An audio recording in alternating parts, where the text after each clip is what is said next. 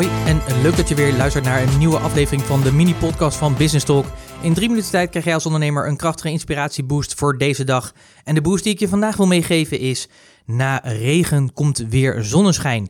Natuurlijk een heel mooi eh, spreekwoord. En de reden dat ik dat vandaag over heb, is omdat het vandaag echt echt heel erg slecht weer is aan het eind van de dag. Code geel is, of eh, code oranje is afgeroepen. Veel onweer, veel wateroverlast, al dat soort dingen.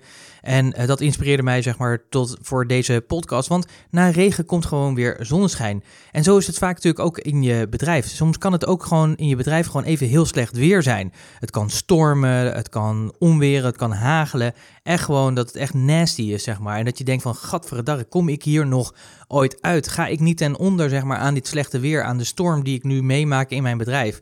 En dat kan zelfs, zeg maar, vandaag de dag in deze economische groei, kun je te maken hebben met die storm. Onlangs hoorde ik nog weer van een bedrijf dat toch nog weer failliet was gegaan. En dat kan gewoon. Vandaag de dag kan het nog steeds. Want je bent gewoon ondernemer. Je moet natuurlijk waarde toeleveren. En je hebt natuurlijk misschien producten of diensten die, ja, uh, afhankelijk van wetgeving, ICT-ontwikkelingen, uh, al dat soort dingen, dat je moet aanpassen. En als je dat niet op tijd doet, kan het maar zo zijn dat je bedrijf in één keer geen bestaansrecht meer heeft. En kan het maar zo zijn dat je ook in zwaar economisch weer terechtkomt, omdat jij niet voldoet aan wat de behoefte is van, jou, ja, van jouw klanten of de behoefte is van de markt waarin je zit.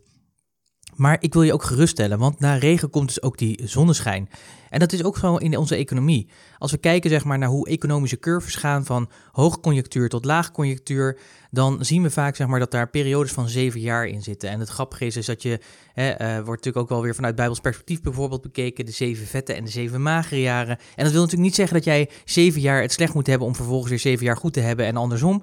Nee, dat, dat wil het absoluut niet zeggen, maar het wil wel betekenen dat het af en toe ook niet altijd even ja, florissant in je bedrijf gaat. Dat de groei niet altijd uh, sky high gaat. Soms zit er even een dip om vervolgens weer naar de volgende groeisessie uh, toe te gaan of naar de volgende groeicurve toe te gaan.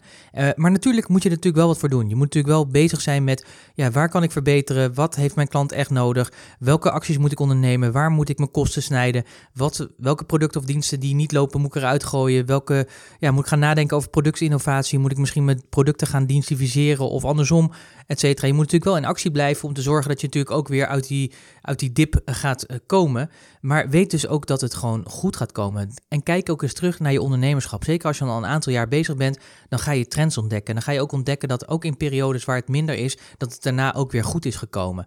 En die motivatie wil ik je meegeven voor vandaag. Dus laat je niet afleiden door alleen het slechte weer in je bedrijf. Weet dat het goed komt en doe er natuurlijk alles aan. Neem actie, vraag hulp en dan kom jij echt weer naar die volgende groeifase toe. Ik wens je daar veel plezier bij en spreek je graag morgen. Tot morgen.